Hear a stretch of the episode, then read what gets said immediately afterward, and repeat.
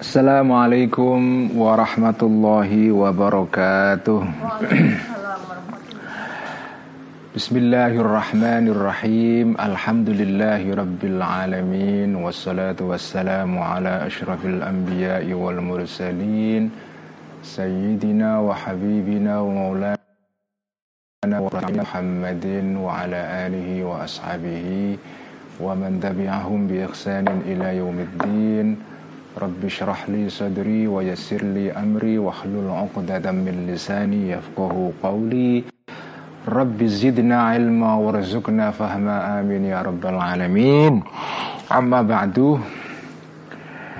Para santri ikhya online yang saya cintai Mari kita ngaji kitab ikhya Soan kepada Imam Ghazali seperti biasa pada setiap malam Jumat Sebelum kita mulai ngaji seperti biasa, mari kita hadiahkan Al-Fatihah kepada junjungan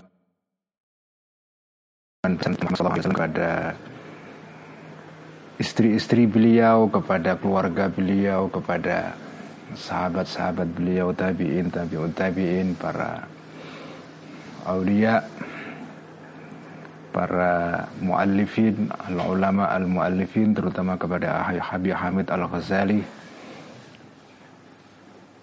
Juga kepada para guru-guru kita, ulama-ulama kita, terutama ulama-ulama kita yang menjadi muassis Jamiah Nahdlatul Ulama wabil khusus kepada kepada guru beliau Syekhona Khalil Bangkalan kepada Mbah Wahab, Mbah Bishri, Ki Asad Samsul Arifin, kepada Mbah Maksum Lasem, Mbah Bayudowi, kepada Mbah Ali Maksum, Ki Abdullah Salam, Ki Sal Mahfud, Ki Ilyas Ruhyat, dan juga kepada saudara-saudara kita, teman-teman kita yang sudah mendahului kita. Al-Fatihah juga kita hadiahkan atau kita jadikan wasilah untuk kesembuhan teman-teman kita yang sekarang sedang sakit terutama terkena covid. Saya ingin secara khusus kepada teman saya, sahabat saya Mbak Wilawati dan putrinya yang hari-hari ini sedang terkena covid ya. Semoga beliau cepat sembuh. Kepada Semuanya yang sedang sakit semoga disembuhkan wasilah dengan lahum jami'an al-fatihah. A'udzu billahi minasyaitonir rajim Bismillahirrahmanirrahim. Alhamdulillahi rabbil alamin. Arrahmanir rahim Maliki yaumiddin إياك نعبد وإياك نستعين اهدنا الصراط المستقيم صراط الذين أنعمت عليهم غير المغضوب عليهم ولا الضالين. آمين. بسم الله الرحمن الرحيم. قال رحمه الله تعالى ونفعنا به وبعلمه في الدارين. آمين. رب يسر وأعين. Kitab Ikhya halaman 1028 di paragraf baru Fanakulu Minggu yang lalu kita sudah membaca pengantarnya yaitu bagian ini. Ini bagian yang terkait dengan pembahasan mengenai salah satu penyakit mulut manusia yaitu bohong atau goroh dalam bahasa Jawanya ya. Bahasa bahasa makna pesantren itu ya goroh ya al ya. Uh, ini adalah godaan atau penyakit mulut manusia yang ke-14 ya. Jadi penyakit mulut itu banyak sekali ya afatul lisan istilah itu. Ada 20 ya ini yang ke-14 ya. Ini kita bahas penyakit mulut ini lama sekali. Jadi memang ini menarik ya kitab Ihya ini. Jadi konsep yang mendasari pembahasan ini semua itu adalah bahwa manusia itu seperti sudah saya terangkan berkali-kali ya, tapi saya ulang supaya ya kita ingat saja ya. Mungkin teman-teman yang baru ikut ngaji ihya untuk sekedar pengetahuan. Jadi manusia itu unsurnya dua, ya. Ada unsur luar, unsur dalam. Ada holkon, ada hulukun, itu istilah bahasa Arabnya. Holkon itu bentuk fisik manusia yang bagian luar ini. Holkon itu adalah eksterior, ya. Jadi kalau ibarat rumah gitu ya penampang di luarnya itu fasadnya ya jadi kelihatan di luarnya itu nah itulah namanya tubuh manusia. Itu tubuh kasar ya. Jasad kasar itu. Nah tetapi manusia itu tidak berhenti di situ saja ya. Kalau jasad kasar itu itu menjadi wilayah pembahasan ilmu-ilmu lahir ya. Biologi ya. Ilmu tentang anatomi, ilmu mengenai apa tubuh luar manusia. Itu ada ilmunya. Ya. Kemudian ada bagian dalam manusia itu namanya hulukun. Jadi ada hulukun, ada hulukun. Hulukun itu artinya adalah jasad alus ya, bagian dalam manusia itu. Nah baik jasad luar maupun jasad yang di dalam itu, itu dua-duanya ada penyakitnya. Jadi jasad luar itu ada penyakitnya, itu wilayah ilmu kedokteran, wilayah ilmu tip ya, atip ya. Nah ada ilmu yang berkenaan dengan batin manusia, penyakit-penyakit yang ada di bagian jasad uh, alus manusia itu ya. Ini tetangga saya ini ada tiga ini uh, Kristen semua itu. Jadi saya ini uh, dilingkupi oleh tetangga-tetangga yang uh, yang multi agama. Jadi ada yang Protestan, ada yang Katolik, ada yang ada Katolik dua, Protestan satu. Eh, Protestan ya satu ya. Yang dua punya anjing, yang satu tidak ya.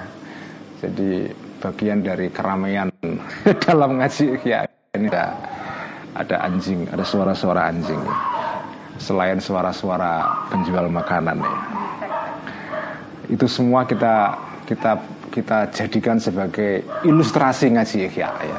Jadi tidak usah terlalu uh, terganggu.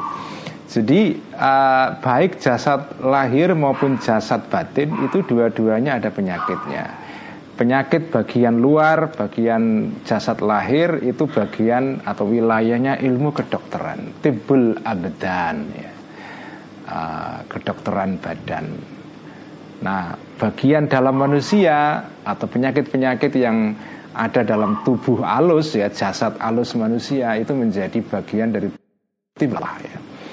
Nah, kedokteran batin itu adalah wilayahnya wilayahnya para nabi-nabi ya, al-anbiya war rusul dan para wali-wali ya. Wali-wali dan para ya kemudian diteruskan oleh para ulama ya. Nah kitab Ihya ini isinya itu Isinya membahas mengenai bagian dalam manusia itu Nah salah satu bagian dalam manusia itu itu adalah mulut ya. ya mulut itu memang mulut itu mulut itu ada ada organ lahirnya ya mulut ini. Tetapi mulut itu eh, tindakannya itu terkait dengan jasad alusnya atau jasad batinnya. Mulut itu berkata-kata jelek atau baik itu tergantung kondisi batin kita itu. Nah kalau kondisi batin kita itu jelek maka itu mulut kita akan memproduksi akan mengeluarkan sesuatu yang mengganggu orang lain. Itulah yang disebut dengan afatul lisan atau afatul lisan ya. Penyakit-penyakit mulut manusia. Nah, kita sekarang sudah sampai ke penyakit yang ke-14 yaitu al-kidhbu goroh ya. Goroh atau bohong. Nah, yang menarik teman-teman semua para santri Ihya ya. Seperti diterangkan oleh Imam Ghazali pada minggu lalu pembukaan bab ini bohong itu haram bahkan termasuk dosa besar minal kabair ya bohong itu nah menurut ajaran Al Ghazali bohong itu dilarang bukan karena bohongnya Jadi al-kidhbu laisa haraman uh, li'ainihi.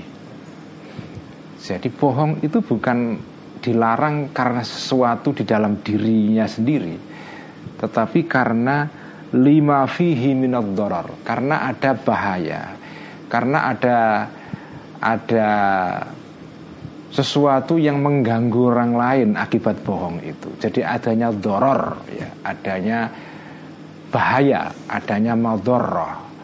Nah agama Islam itu dibawa oleh kanjeng Nabi tujuannya adalah untuk apa? Rahmatan lil alamin, membawa kasih sayang. Salah satu bentuk kasih sayang itu adalah maslahat, yaitu kebaikan, kemaslahatan. Kemaslahatan itu adalah kebalikan dari madorroh, dari bahaya, ya, dari sesuatu yang melukai seseorang. Ya.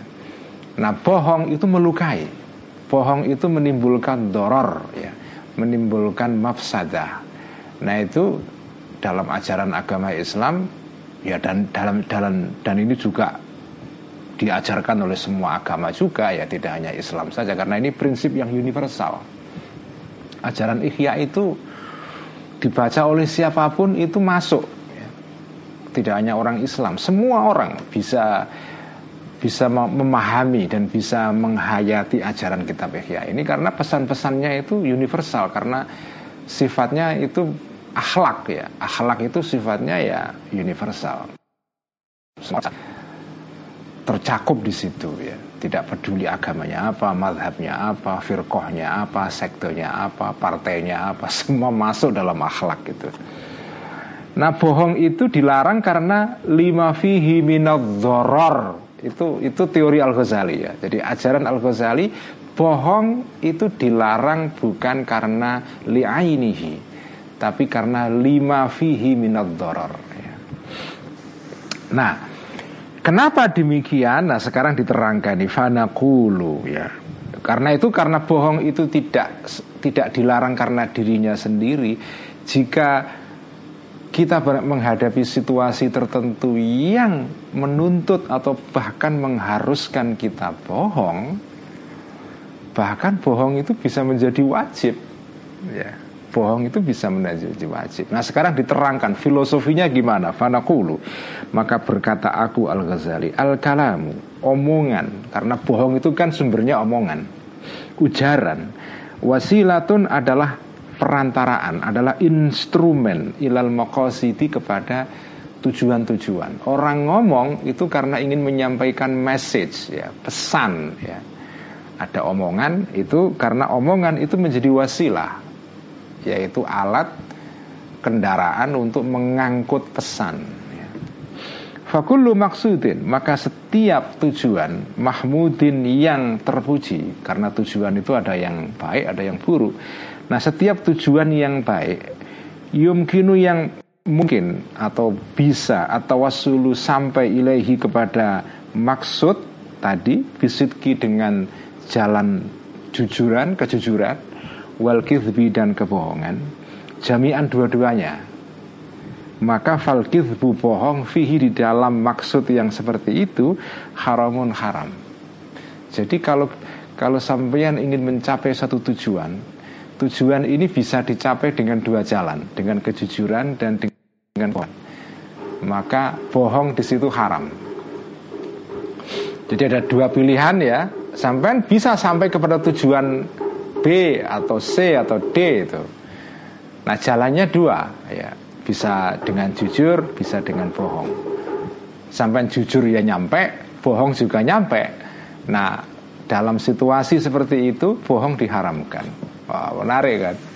Jadi ini Imam Ghazali ini kalau mentafsir ya, kalau menganalisis, mengiris-ngiris masalah itu, membuat pembedaan-pembedaan, diferensiasi itu. Ini sudah datang tadi apa dok-doknya itu. Uh, ini dok-dok itu lahir atau muncul sejak ngaji ya pertama itu. Uh, jadi Al Ghazali itu kalau ngiris-ngiris masalah ya menganalisa, ditafsir, di dibagi-bagi itu luar biasa. Itulah salah satu keahlian ulama di masa lampau itu. Masalah itu jangan di jangan dinilai, jangan dihakimi, jangan diputuskan secara gelondongan. Nggak bisa. Jadi ini pelajaran penting dari kita ngaji kitab Ihya, ngaji warisan peradaban rohani Islam masa lampau itu adalah ya, pelajaran pentingnya itu setiap melihat masalah, masalah itu jangan dilihat gelondongan, lock ya, gelondongan. Langsung dihakimi, wah ini haram, ini halal, ini begini, ini begini, ini begini. Nah itu nggak boleh itu. Kalau kita belajar kitab Ihya itu, kita akan tahu cara Al Ghazali ketika memandang, menganalisa, menguraikan masalah itu dipilah-pilah ya. Nah ini pelajaran penting itu di barang sesuatu itu jangan dianalisa gelondongan. Harus digergaji dulu. Ibarat kayu gitu ya. Kayu.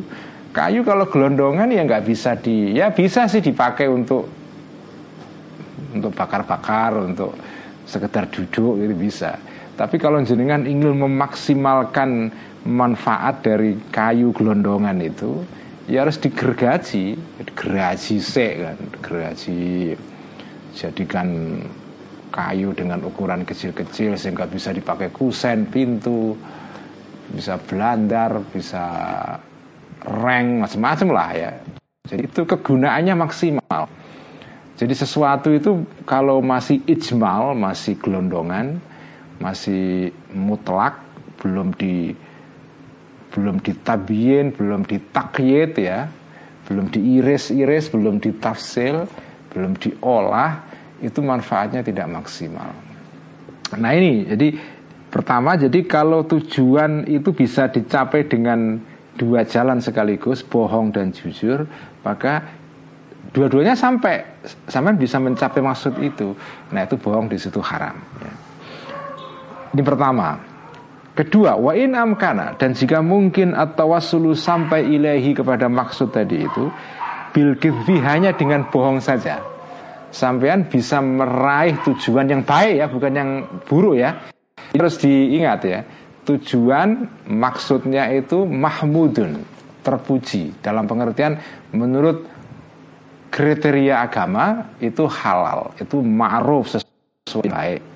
Nah, kalau jenengan tidak bisa mencapai tujuan yang baik ini kecuali dengan bohong bil dengan bohong duna sidki bukan dengan kejujuran maka dalam situasi seperti ini fal maka bohong fihi di dalam maksud seperti ini mubahun diperbolehkan. Mubahun diperbolehkan. Ini yang kedua ya. ini menarik sekali ini ya. Dan ini berguna nanti kalau kita menghadapi situasi-situasi real dalam kehidupan sehari-hari ya Makanya ngaji kitab Ihya itu asiknya adalah sebetulnya Ihya itu kategorinya ya ini buku filsafat sebetulnya karena ini etika ya. Ini, ini sesuatu yang berkaitan dengan bidang filsafat yang menyangkut tentang ajaran baik buruk ya. Cuma filsafat yang diajarkan oleh kitab Ihya itu bukan filsafat yang abstrak, yang teoritis, yang yang nazori ya, yang tidak ada gunanya langsung praktis dalam kehidupan sehari-hari. Enggak. Kitab Ihya itu di dalamnya ada pembahasan-pembahasan yang sifatnya itu teoritis ya. Sifatnya nazoriyah ya, yang tidak langsung ada kegunaannya dalam kehidupan sehari-hari ya. Tapi sebagian besar isi kitab Ihya itu bersifat praktis ya, bersifat aplikatif ya, bisa langsung diaplikasikan. Nah ini ajaran tentang bohong ini ini berguna kalau sampean menghadapi situasi-situasi yang real itu ya dalam kehidupan sehari-hari. Ini ajaran kitab Ihya ini bisa dipakai ini. Ingkana jika jadi bohong di sini dibolehkan ya, boleh ya, tidak wajib tapi boleh. Ingkana jika ada tahsilu dzalikal qasti menghasilkan meraih tujuan tadi itu mubahan adalah mubah. Jadi bukan tujuan yang wajib dicapai tapi ya tujuan yang sampean capai juga boleh, sampean tidak mencapai juga nggak apa-apa. Wawajibun dan nah ini bohong itu pertama bohong bohong dibolehkan bahkan kadang-kadang wawajibun dan bohong di sini bisa menjadi wajib. Ingkana jika ada al maksudu tujuan yang ingin diraih tadi itu wajiban kategorinya tujuan yang wajib dicapai. Contohnya apa? Kama anna ismata damil muslimi sebagaimana menjaga atau melindungi darahnya seorang muslim ya, tidak hanya orang muslim ya juga orang non muslim jadi ini sifat muslim di sini bukan qaidun ikhtiraziyun tapi qaidun ittifaqiyun itu istilahnya para usuliyun ahli usul fikih. Jadi ini bukan syarat yang bersifat ikhtirazi bersifat eksklusif ya. Artinya sifat yang yang mengandung makna bahwa kalau sesuatu tidak memenuhi sifat ini maka dia tidak termasuk di dalam pembahasan, dia dikeluarkan. Artinya apa? Kalau bukan muslim ya berarti boleh sampean me, me, apa ya, membunuh orang itu me, apa mengalirkan darah dia, bukan begitu. Muslim di sini bukan qaidun ikhtiraziyun tapi qaidun ittifaqiyun ya Ya karena kitab Ihya ini audiensnya adalah umat Islam ya dipakai istilah muslim di sini ya. Kama anna ismata damil muslimi sebagaimana menjaga atau melindungi darahnya seorang muslim wajibatun itu wajib melindungi darah seorang muslim atau manusia pada umumnya yang tidak mengganggu kamu tidak menyerang kamu. Karena itu kalau kafir itu harbi seorang yang kafir tapi menyerang kita, menginvasi negara kita kayak Belanda dulu waktu apa apa namanya dulu yang um, fatwa atau jihadnya Mbak Hashim ya yaitu apa sekutu datang ke Indonesia Belanda membonceng untuk melakukan aksi penyerangan ke Indonesia. Nah itu itu harus di boleh sampai orang yang menyerang mengganggu negara kita menginvasi negara kita. Tapi kalau orang itu damai dan tidak mengganggu kita maka darahnya harus dijaga. Wajib itu tidak hanya muslim saja semua manusia. Famah makana maka maka uh, maka kapan pun ada fisidki di dalam kejujuran safku damin ada kemungkinan mengalirkan safku damimri'in mengalirkan darahnya seseorang muslimin yang muslim dan tidak muslim juga asal dia tidak harbi atau menyerang kita tafa yang bersembunyi min zalimin dari orang yang zalim maka fal berbohong fihi di dalam keadaan seperti ini wajibun wajib. Kalau ada seorang yang zalim, seorang yang tiran, seorang yang yang jahat mengejar seseorang, orang itu bersembunyi di rumah sampean. Kemudian orang jahat ini sampai di pintu rumah sampean menanyakan keberadaan orang itu. Sampean tidak boleh menunjukkan tempatnya. Sampean malah diharus berbohong bahwa dia tidak ada di rumah itu ya. Ya kayak dululah zaman Belanda atau Jepang ngejar orang kemudian apa ketemu penduduk tanya di mana orang itu nah, itu sama nggak boleh kasih tahu itu karena ini ada orang zolim ngejar orang untuk mengalirkan darah dia untuk safkudam ya safkudam atau mengalirkan darah itu nggak boleh ya melindungi darah manusia itu wajib hukumnya. Karena itu berbohong di sini wajib. Ya.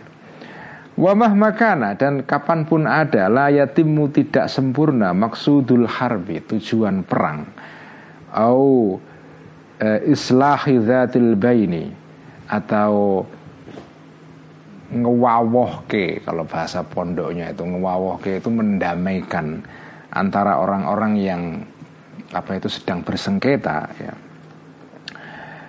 Uh, wastimalati ini bukan anna ya. Ini edisinya ada salah cetak di sini.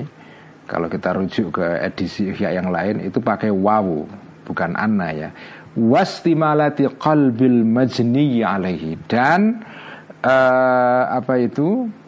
Dan um, mengambil hati ya. mengambil hatinya al-majni orang yang uh, diserang ya alehi terhadap orang itu. Artinya orang yang sedang di dilukai ya. Maka fal maka dalam maka bohong fihi di dalam keadaan seperti ini eh illa bikidbin kecuali dengan kebohongan saya malah balik ke paragraf berikutnya ya.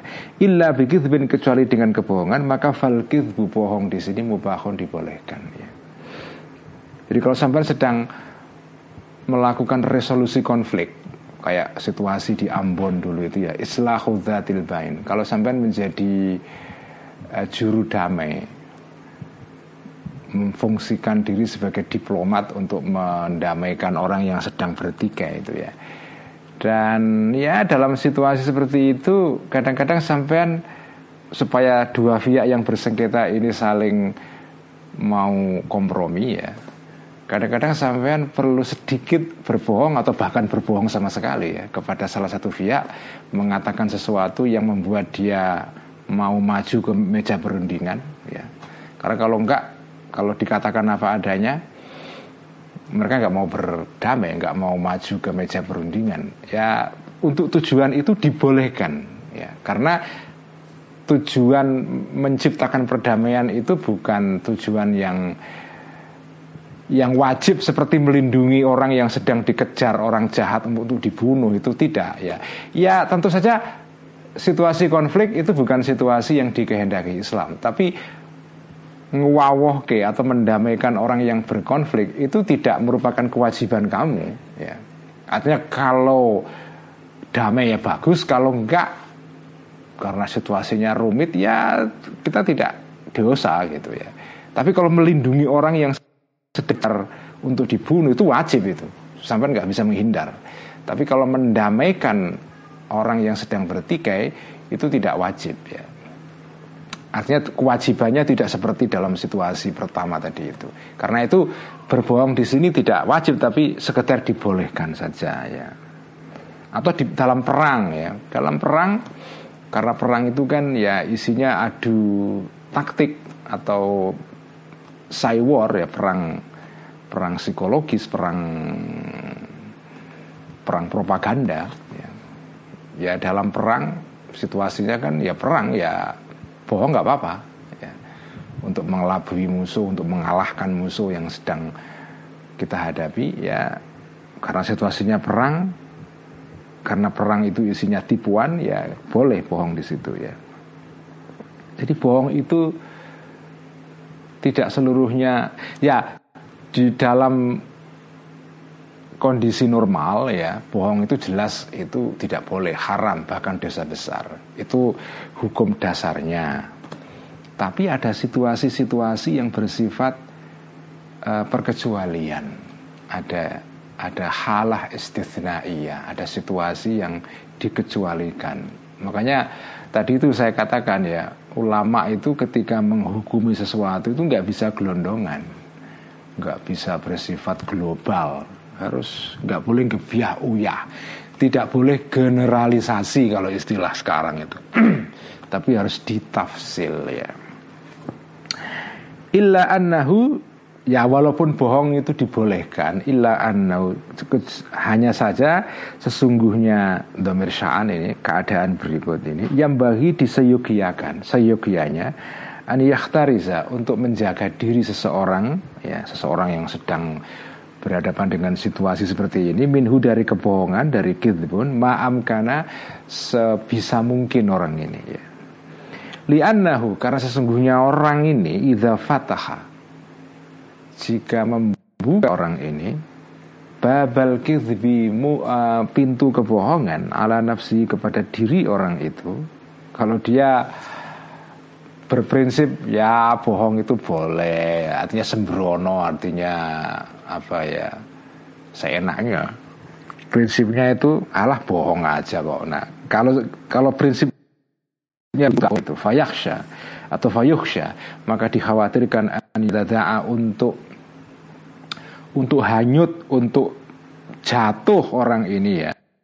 Atau ya tada'a runtuh artinya sesuatu yang runtuh terus jatuh ya. Ilama kepada sesuatu ya stagni yang tidak butuh orang ini anhu dari uh, apa itu uh, ma ini ya.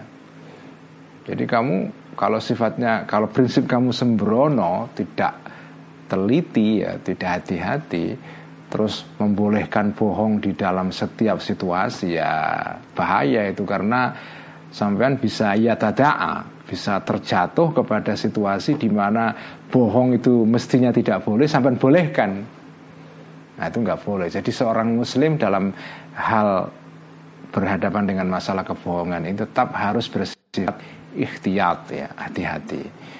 Tetapi juga tidak boleh terus mutlak mutlakan bohong itu tidak boleh dalam semua situasi. Nggak bisa itu.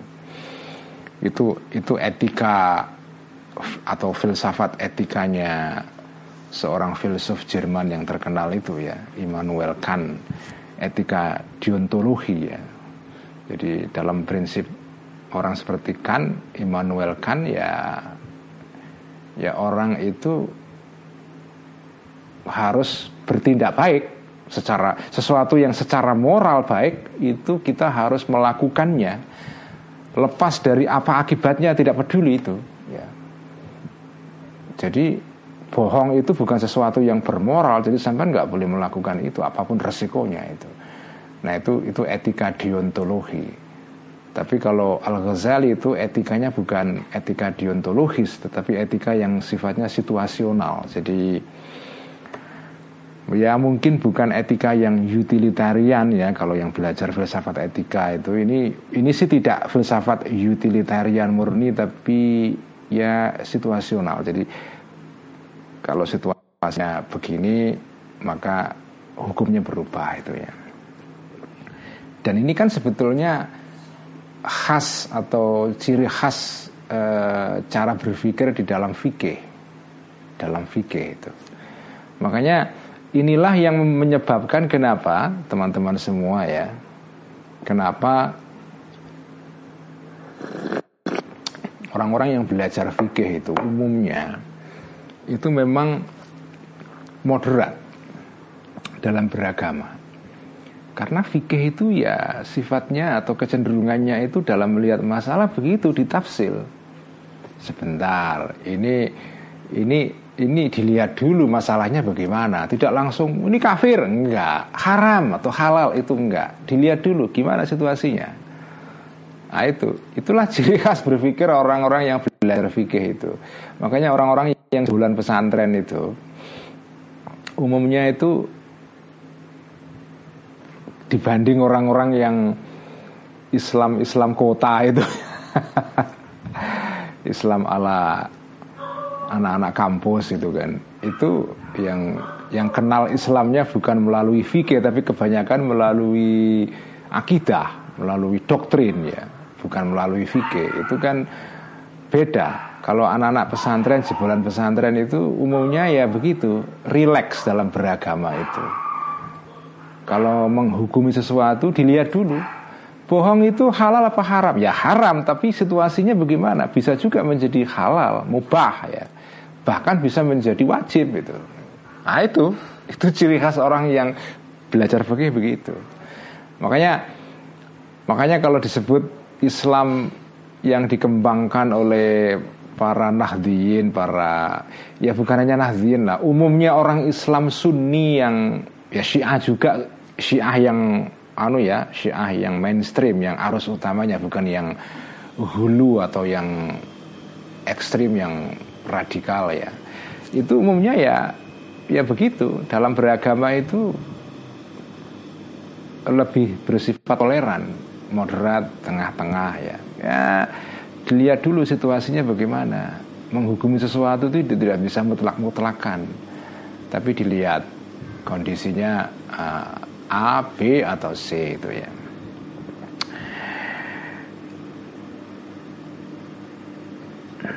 Wa ilama dan bisa terjatuh orang tadi itu ilama kepada sesuatu layak tasiru yang tidak um, apa itu terbatas ya um, ma ini ya ala hadid darurati kepada batas kedaruratan emergensi ya. Dalam situasi yang tidak darurat emergensi sampean berbohong juga karena sembrono itu ya Fayakunu maka ada al bohong haraman itu haram fil asli dalam hukum asalnya illa lidharuratin kecuali karena sebuah atau situasi emergensi atau kedaruratan. Inilah hukum dasarnya ya. Ini kita pegangi ya. Bohong itu haram bahkan dosa besar kecuali dalam situasi-situasi yang khusus yang perkecualian.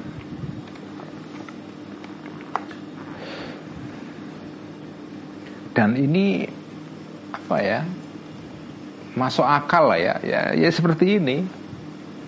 Kalau sampean pekok ya kepeh. Pokoknya hanya satu saja yang dipegangi gitu. Tidak mengenal variasi di dalam melihat masalah gitu ya repot ya. Menyulitkan kita dalam hidup sehari-hari. Dulu nah sekarang dalilnya apa? Sampean Imam Ghazali kok sampean punya pandangan seperti ini dalilnya apa? Ada dalilnya. Waladhi dan dalil hujjah atau argumen atau sesuatu ya dulu yang menunjukkan alladzi alal istisnai terhadap situasi perkecualian ini. Ma hadis ya ruya yang diriwayatkan hadis ini an ummi kulthumin dari ummi kulthum ya an ummi kulthumin dari ummi kulthum Ummi Kulthum di sini maksudnya adalah Ummi Kulthum eh, dalam syarah Ihya diterangkan ini Ummi Kulthum binti Uqbah ibn Abi Mu'aid ya. Ini sosok penting ini ya. Nanti saya akan terangkan. Kalau berkata Ummi Kulthum, Masami atau Rasulullah tidak mendengarkan aku, maksudnya aku Ummi Kulthum ya.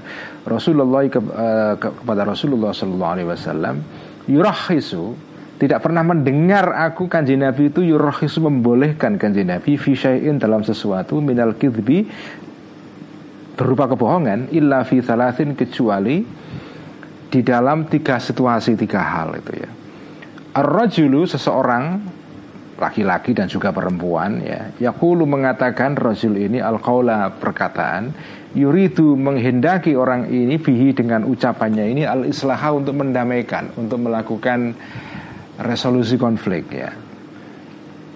Itu boleh dibohong di, di dalam situasi ini dibolehkan bohong. Ini ini sabda kajian Nabi ini ya. Warajlu dan seseorang laki-laki yakulu mengatakan al perkataan fil harfi di dalam perang situasi perang tipuan-tipuan harus dipakai kadang-kadang ya. Boleh itu bohong di situ. Warajulu dan seorang laki-laki yuhadithu ngomong berbicara rajul ini imro'atahu kepada istrinya rajul ini. Wal mar'atu dan perempuan atau istri itu hadithu berbicara istri ini zauja kepada uh, suaminya uh, seorang perempuan ini. Dalam hubungan suami istri kalau sampean jujur terlalu jujur-jujur Blokosuto ya mengatakan apa adanya kadang-kadang bisa mengganggu hubungan suami istri. Kadang-kadang sampean ya harus sedikit berbohong atau bahkan berbohong sama sekali ya. Misalnya pas hari belanja online nasional apa hari apa namanya? Harbol Harbol Nas. Hari belanja online nasional ya. Lalu suami atau istri belanja itu kan. Istrinya kejam kan. Wah, pegang duit itu. Tanya suaminya itu. Tadi ngapain kok klik klik klik di HP itu? Ya belanja lah. Berapa belanjanya gitu? Nah, kalau jujur belanja satu juta itu wah bisa tengkar bisa bisa terjadi ketegangan nasional di rumah ya. Ya mungkin perlu dikurangi jumlahnya.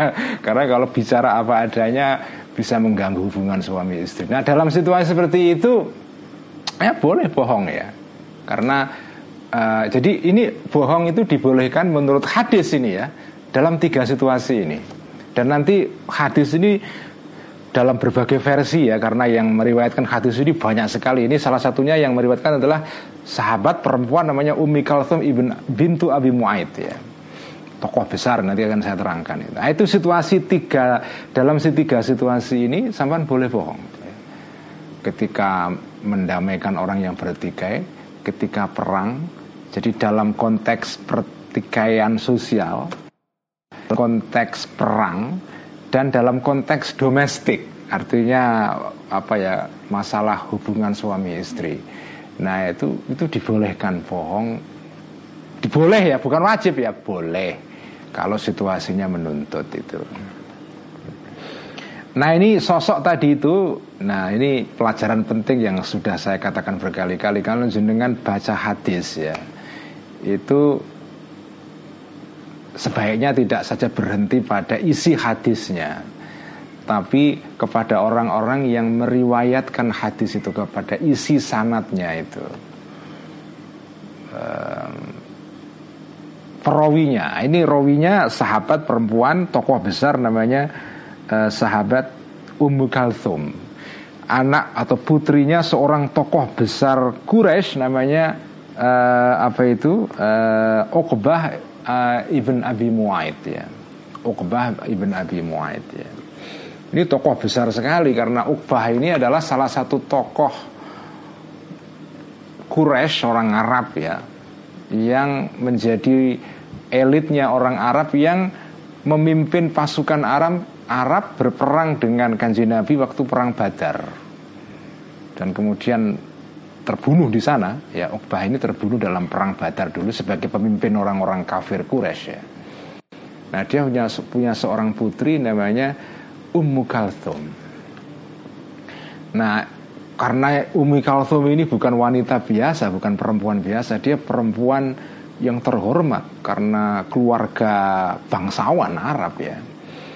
Nah dia ini Umi Kalthum itu eh, termasuk perempuan yang masuk Islam ya tidak generasi pertama tapi waktu di Mekah itu.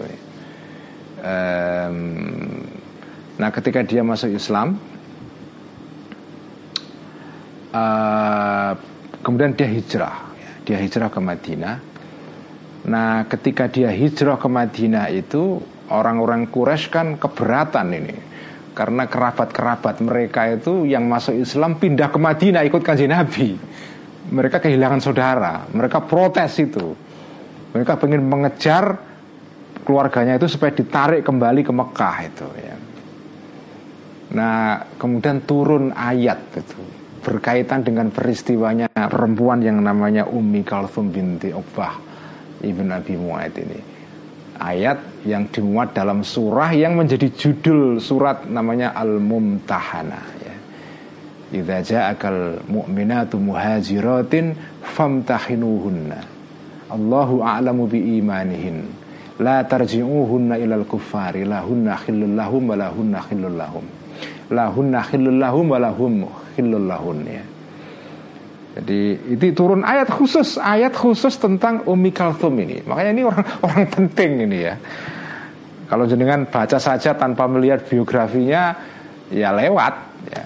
Tapi kalau jenengan teliti lebih jauh, ini Umi Kalthum ini nggak gemen-gemen kalau bahasa panturanya, nggak gemen-gemen itu apa? Nggak nggak main-main ini. Ini bukan tokoh abal-abal ini. Ini tokoh penting. Karena itu Umi Kalsum ini ketika pindah ke Madinah itu dia nikah tiga kali. Sahabat berebut itu untuk menikahi perempuan bangsawan ini dan juga cantik memang ya.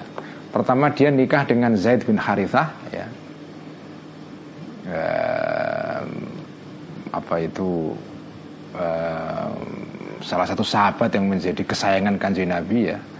Zaid bin Harithah Kemudian yang kedua adalah dia pernah nikah dengan uh, siapa ya? Uh, dengan Zubair bin Awam, Wah, sahabat besar juga itu ya. Dan terakhir ketika Zubair uh, terbunuh ya, kemudian dia dinikahi oleh sahabat besar yang lain namanya Abdurrahman bin Auf ya. Abdurrahman bin Auf. Jadi dia nikah tiga kali. Ya karena ini bang, perempuan bangsawan ya. Nah inilah Jadi ini hadis ini menjelaskan dan ini yang menjadi dasar kenapa Imam Ghazali mengatakan bahwa bohong itu kadang-kadang dibolehkan. Ya. Wakala dan berkata Ummi Kalthum lagi Aidon juga Kala ini hadis yang lain yang diriwayatkan oleh Ummi Kalthum ya Kala berkata Rasulullah Rasulullah Sallallahu Alaihi Wasallam Umi Kalsum ini kalau sekarang ya Umi Kalsum menyanyi terkenal dari Mesir itu ya. Makanya ya termasuk putrinya kanjeng Nabi namanya Umi Kalsum juga. Dan jadi ini nama Umi Kalsum itu atau Umi Kulsum Umi Kalsum ya itu memang nama yang apa ya favorit di Arab ya. Wakala dan berkata Umi Kalsum Aidon juga kala berkata Rasulullah Rasulullah atau bersabda Rasulullah Rasulullah Sallallahu Alaihi Wasallam. Ini hadis isinya sama sebetulnya ya. Laisa bikadzabin, laisa tidak ada seseorang atau bikadzabin termasuk orang yang ahli bohong, tukang bohong. Man orang aslaha yang mendamaikan bayanathna ini di antara dua orang yang sedang konflik bertikai. Fakola maka berkata orang ini khairan sesuatu yang baik supaya orang yang sedang bertikai ini mau berunding, mau damai itu. Dia bisik-bisik sesuatu yang menyenangkan hatinya, ya itu boleh. Nah, ini au nama, ini syakun minar rawi. Kalau ada hadis kok au itu, itu menunjukkan rawinya itu rawi hadis ini ya, rawinya banyak itu. Uh, itu dia ragu apakah kanji Nabi itu mengatakan fakola khairon au nama khairon ya au nama atau apa itu? Au nama atau menisbahkan ya ses sesuatu. Jadi dalam syara ihya diterangkan bisa dibaca nama atau nama dengan tasdid ya. Nama au nama atau nama mengemukakan menisbahkan seseorang ini khairan sesuatu yang baik ya. Jadi boleh di sini bohong itu. Wakala dan berkata Asma'u bintu Yazida Seorang sahabat perempuan namanya Asma' bintu Yazid Ini juga nanti saya akan terangkan kisahnya ya Ini ini ini tokoh penting sekali Terutama bagi teman-teman yang suka dengan gagasan feminisme keadilan gender. Ini tokoh penting Asma bintu Yazid ini. Kata Asma kala berkata bersabda Rasulullah Rasulullah Shallallahu Alaihi Wasallam kulul kadhibi atau kulul kadhibi setiap kebohongan yuktabu akan ditulis di catatan amalnya manusia ala bni Adam atas ibnu Adam atas manusia. Jadi manusia itu dalam bahasa Islam disebut sebagai ibnu Adam cucu anak Nabi Adam ya semua kebohongan itu akan dicatat sebagai dosa yang harus dipertanggungjawabkan oleh manusia nanti di hari kiamat. Illa rojulun kecuali seorang laki-laki kadzaba yang bohong baina muslimah ini di antara dua orang muslim dan juga orang non muslim. Jadi tidak harus hanya muslim saja. Laki-laki ini bukan qaidun ikhtiraziyun tapi qaidun ittifaqiyun ya. Liusliha untuk mendamaikan rojul tadi bainahuma di antara kedua muslim itu. Ini sedikit keterangan mengenai Asma bintu Yazid ya. Asma bintu Yazid ini dikenal ini sahabat perempuan ya.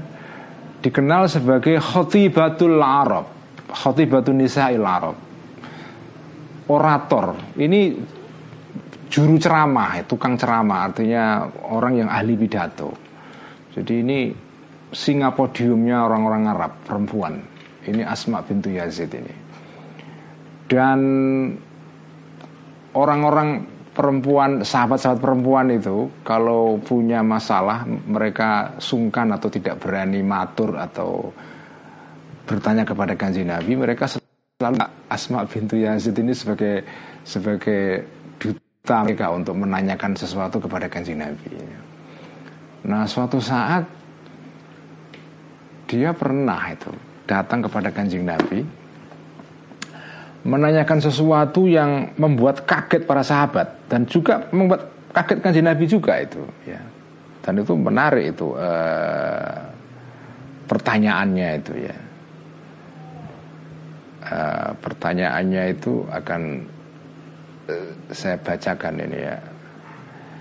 Jadi suatu hari Asma ini uh, datang kepada kanji Nabi menanyakan hal berikut ini. Jadi ini menarik sekali hadisnya ini.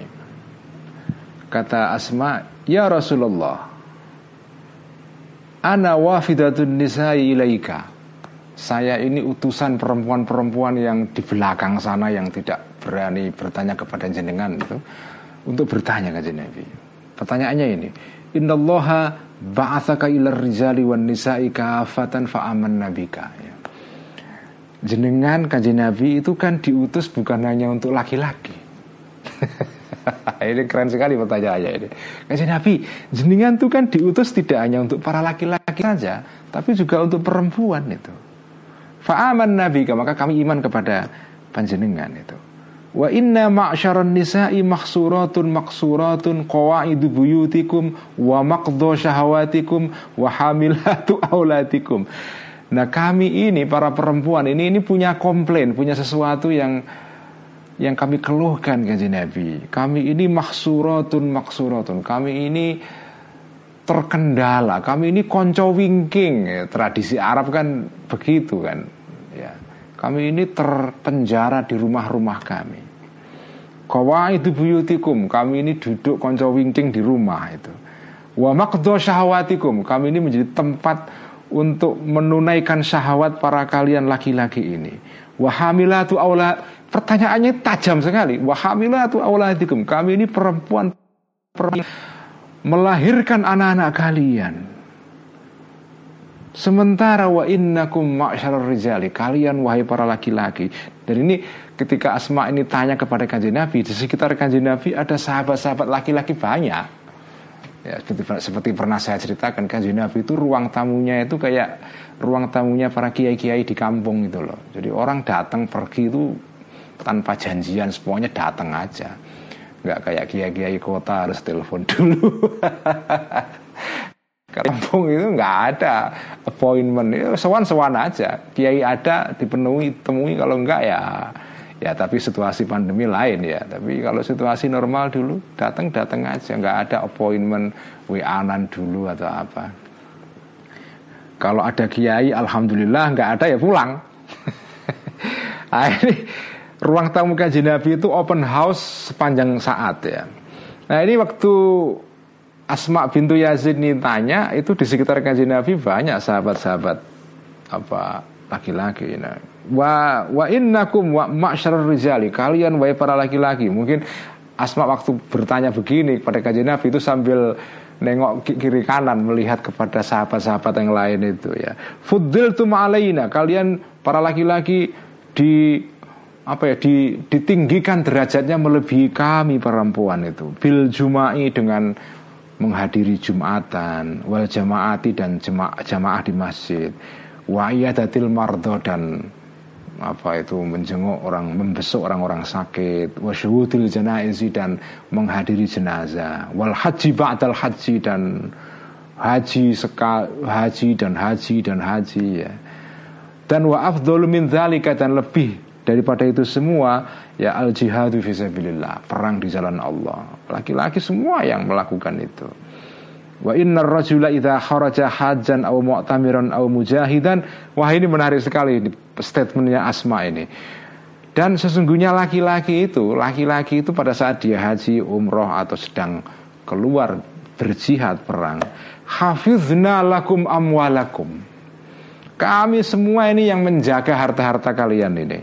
Wa ghazalna athwabakum dan kami yang menjahit yang menenun bajunya kalian ini Warabbaina lakum auladakum dan kami yang me mendidik merawat anak-anak kalian para laki-laki ini. Pertanyaannya kajian Nabi, pertanyaannya ya, afama nusyarikukum fi hadzal ajri wal khairi?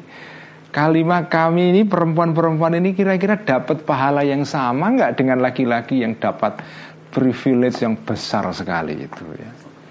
Ini pertanyaan yang tajam sekali ini. Kenapa kok Asma seperti ini? Ya karena dia ini khotibatu nisa'il Arab. dia ini memang orator. Jadi bisa berani tanya dengan tajam begini. Waktu kaji Nabi ditanya seperti ini, faltafatan Nabi ila ashabi biwajhi kulli. Nabi langsung kaget itu. Gak pernah menghadapi perempuan se seterus terang seperti ini, seberani ini ya. Kaji Nabi langsung tolah-tolah itu. Lihat ingin me, ingin mendeteksi, mengukur responnya para sahabat yang laki-laki semua ya. Kemudian kaji Nabi mengeluarkan statement yang menarik ini. Hal sami'tum maqalata mra'atin qattu ahsana min musa'alatiha fi amri diniha min hadhihi. Kalian ini responnya kaji Nabi keren banget ini. Kalian pernah nggak melihat perempuan sekeren Asma ini ketika bertanya mengenai masalah agama ini? Pernah nggak? Hal sami itu maqalata mra'atin qattu ahsana min musa'alatiha fi amri diniha min hadhihi. Pernah kalian melihat perempuan sekeren ini? Sekul ini ya. Faqala Sahabat-sahabat langsung menjawab serentak, "Ya Rasulullah, ma dhananna anna imra'atan tahtadi ila mithli hadza." Kami tidak ngira loh kanjeng Nabi, ada perempuan kok sekeren ini, seterus terang ini, seberani ini itu ya.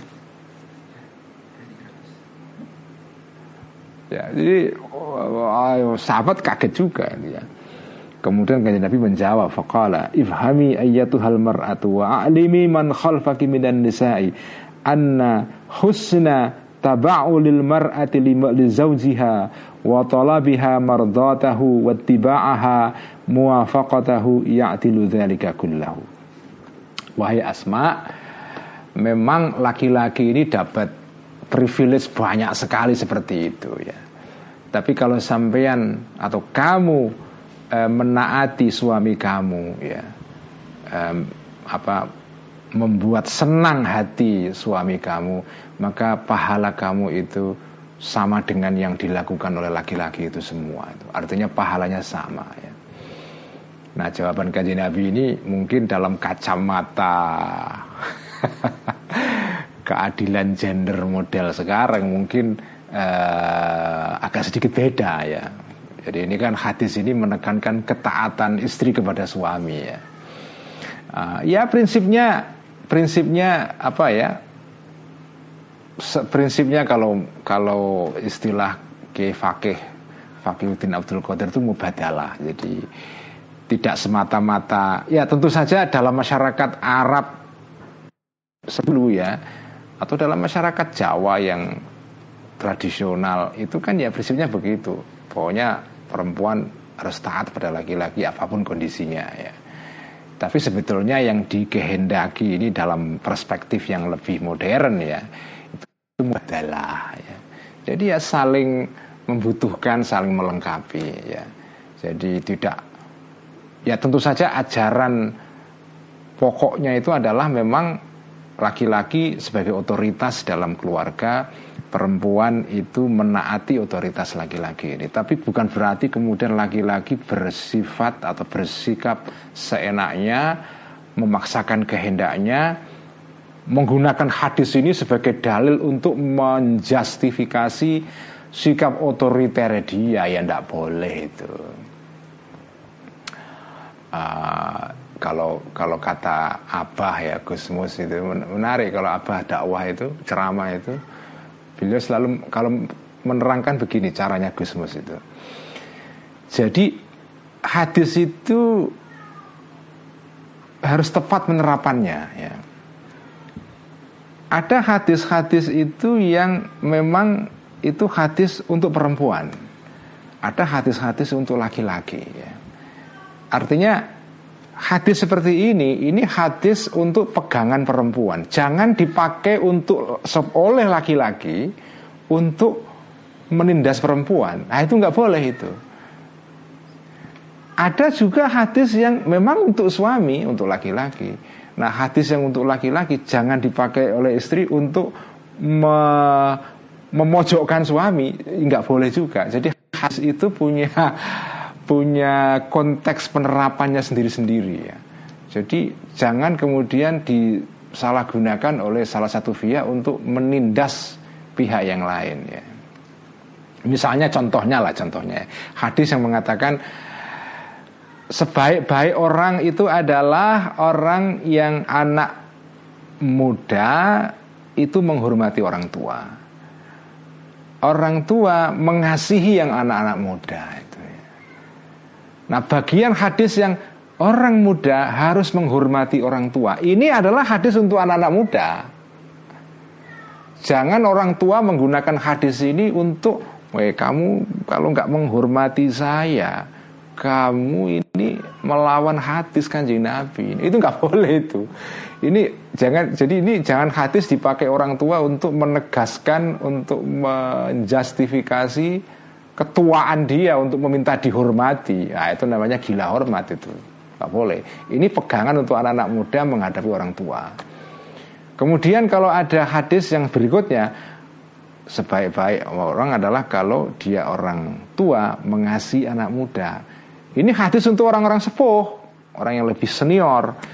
Orang yang muda tidak boleh menggunakan hadis ini kalau misalnya ada orang tua tidak bersikap lemah lembut kepada seorang anak muda terus kamu ini ini orang tua nggak tahu diri nggak pernah baca hadis sampean ya jenengan nggak pernah nah, itu nggak boleh itu dalili orang tua dengan hadis itu nggak boleh itu ya.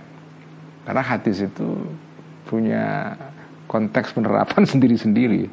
Kalau dibolak-balik zalim sampean ya. Maknanya jadi terganggu itu. Eh, ini sudah jam 9 Mbak Admin ya. Saya kira kita tambah sedikit ya. Tadi mana ya? Tambah sedikit ya sampai akhir paragraf. Waru ya. Dan diriwayatkan An Abi Kahilin dari uh, sahabat namanya Abi Kahil ya. An Abi Kahilin dari sahabat Abi Kahil. Ini sahabat yang apa ya? Uh, apa namanya adalah Al Ahmad Qais ibn Aif ya Wakila namanya Abdullah ibn Malik ya. Nah ini Abi Kahil, sahabat Abi Kahil ini menurut keterangan dalam syarah kitab Ihya disebut sebagai wakana imam al hayy. Dia ini tokoh masyarakat ya, tokoh kampung artinya tokoh masyarakat. Artinya ini sahabat yang tidak sahabat biasa ya. Artinya dia tokoh. Kala berkata Abi Kahil Waqa'a baina ini Waqa'a terjadi baina ini di antara dua orang min ashabin Nabi dari sahabat-sahabatnya kanjeng Nabi Sallallahu Alaihi Wasallam. Kalamun ada percekcokan. Hatta tasarama sehingga uh, saling jatuh ya. Atau saling oh ya uh, menjatuhkan atau saling terjatuh dua orang ini. Artinya dia tengkar secara fisik ya itu maka menemui aku ahadahuma salah satu dari dua orang ini. Fakultu maka mengatakan aku aku kepada salah satu dari orang yang bertengkar ini. Malaka, ma apakah sesuatu laka yang bagimu? Ada apa ini? Wali fulanin dan bagi si Anu itu. Kamu kenapa kok tengkar sama dia? Padahal fakot sami itu padahal telah mendengar aku hu kepada fulan ini. Yuhsinu uh, berbaik-baik alaika terhadap engkau bis asana atau membaik-baikkan fulan ini alaika kepada engkau asana pujian. Lu dia ini kalau ngomong secara personal dengan aku tentang sampean bagus sekali kok. Kok sampean konflik ini gimana? Nah, itu kira-kira begitu ya. Kemudian dia pergi ke yang satunya, semalaki itu kemudian menjumpai aku Allah kepada orang yang lain yang temannya yang dia konflik dengan dia itu fakultu maka mengatakan aku lahu kepada akhar misla dzalika sama dengan itu. Hatta stolaha sehingga mereka berdamai. Ya karena Abi Kahil ini tokoh masyarakat imamul hayyi ya tokoh pemimpin pemimpin komunitas ya. Jadi ada anggota masyarakat yang tengkar ya dia damaikan. Tapi dengan cara begitu itu bisik-bisik ke satu pihak dengan bisik-bisik yang membesarkan hatinya, bisik-bisik lagi ke sini membesarkan hatinya. Di, padahal bohong, tidak tidak begitu kenyataannya. Kemudian dia sadar, aduh, wah ini saya bohong ini. Padahal menurut kanji Nabi bohong itu dosa besar. Gimana ini? Fumakul tuh kemudian mengatakan aku abi kahil ya. Ahlak tu nafsi merusak atau me menghancurkan aku, merusakkan aku nafsi kepada diriku, celaka diriku ini. Wa tuh dan mendamaikan aku baina hadzaini di antara dua orang ini ya. Aku berbuat dosa kepada diriku tapi aku tujuannya mendamaikan gimana ini Akbar tuh maka memberikan kabar mem memberitahu aku an nabiya kepada kanjeng Nabi Shallallahu Alaihi Wasallam Fakola maka berkata kanjeng Nabi bersabda kanjeng Nabi ya Aba Kahilin ini ini hadis yang terkenal ini ya Aba eh, Kahilin wahai Aba Kahil aslih bainan nasi. Aslih damaikan engkau bainan nasi di antara orang-orang. Maksudnya ay walau bil Ini syarahnya ke Al-Ghazali ya. Maksudnya walaupun dengan cara berbohong nggak apa-apa. Ya. ya abakahilin aslih bainan nasi. Jadi kalau jenengan sedang menghadapi pertengkaran di masyarakat Konflik uh, Percekcokan Karena status Facebook yang saling mengganggu satu dengan yang lain ya. Ah itu kalau terjadi konflik seperti itu gara-gara status Facebook yang menyinggung itu ah, itu boleh sampean mendamaikan antara dua teman yang sedang konflik itu dengan cara berbohong ya. ya boleh itu ya. Boleh itu nah ini ini kan memudahkan kita kan kayak begini ini kan ya ya Ya makanya kaji Nabi itu kan prinsipnya agama itu adinu yusrun. Beragama itu mudah. Dan kaji Nabi itu kalau diberikan pilihan antara dua pilihan, ada yang susah, ada yang mudah, pasti pilih yang mudah. Ya, ya begitulah agama itu. Kalau ada orang kok menyulit-nyulitkan sesuatu perkara dalam masalah agama itu, ya itu tidak sesuai dengan ajaran kaji Nabi itu. Waqala dan berkata Atta ibnu Yasarin Seorang tabi'in ini ya Atta ibnu Yasar Qala berkata terkenal sekali ini Qala berkata rajulun seorang laki-laki Lin Nabi kepada tidak tidak tahu siapa laki-laki ini ya Qala rajulun berkata Seorang laki-laki lin Nabi kepada kanjeng Nabi Akzibu ala ahli Akzibu apakah boleh berbohong aku Ala ahli terhadap Apa itu uh, istriku ya. Boleh enggak saya berbohong kepada istri saya? Kala apa itu uh, berkata kajian Nabi menjawab kajian Nabi la khaira fil tidak ada kebaikan dalam kebohongan itu wah dia bingung kan. Kala maka berkata laki-laki tadi itu bertanya lagi aituha wa aqululaha itu berjanji aku ha kepada istriku ini wa aku dan mengatakan aku lah kepada istriku ini. Saya saya berjanji begini kan Nabi. Saya harus jujur mengatakan itu ya. Jadi semula tadi kan saya boleh nggak berbohong kepada istri kan Nabi? Maksudnya dalam situasi pada umumnya ya Wah janganlah. Tapi gini kan Nabi Saya ini janji Mau beliin sesuatu untuk ulang tahunnya atau apa untuk ulang tahun perkawinan gitu kan. Tapi saya tiba-tiba lupa gitu apakah saya boleh jujur mengatakan boleh berkata sesuatu yang bohong kepada dia gitu. Kalau berkata kepada Nabi ya karena situasinya begitu la junah halika tidak ada dosa alika bagi kamu artinya ini bohong dalam konteks hubungan keluarga yang kalau orang jujur bloko suto apa adanya bisa terjadi konflik ah, boleh itu ya. Inilah dalil-dalil yang menunjukkan bahwa dalam situasi tertentu bohong itu dibolehkan ya. sekian ngaji malam ini cukup ya.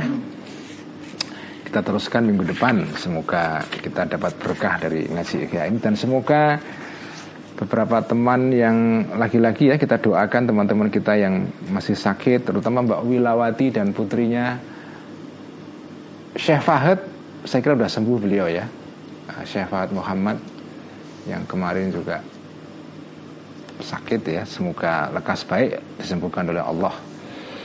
Wasilah dengan kitab Ihya. Mari kita tutup kitab ngaji malam ini dengan seperti biasa bacaan salawat tibil اللهم صل على سيدنا محمد طب القلوب ودوائها وعافية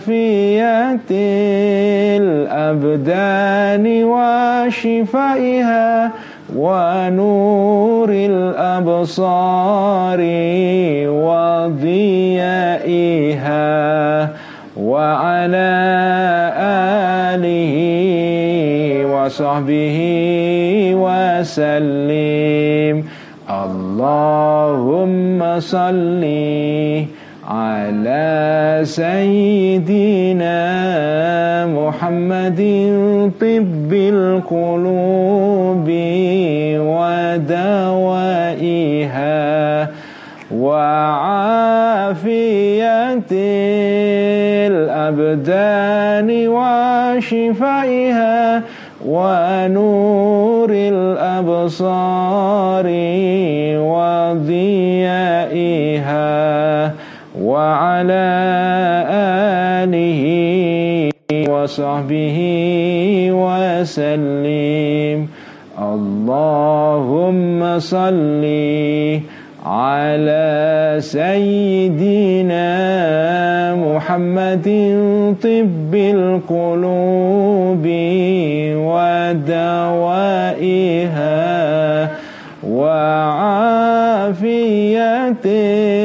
الأبدان وشفائها ونور الأبصار وضيائها وعلى آله وصحبه وسلم. سكيان والسلام عليكم warahmatullahi wabarakatuh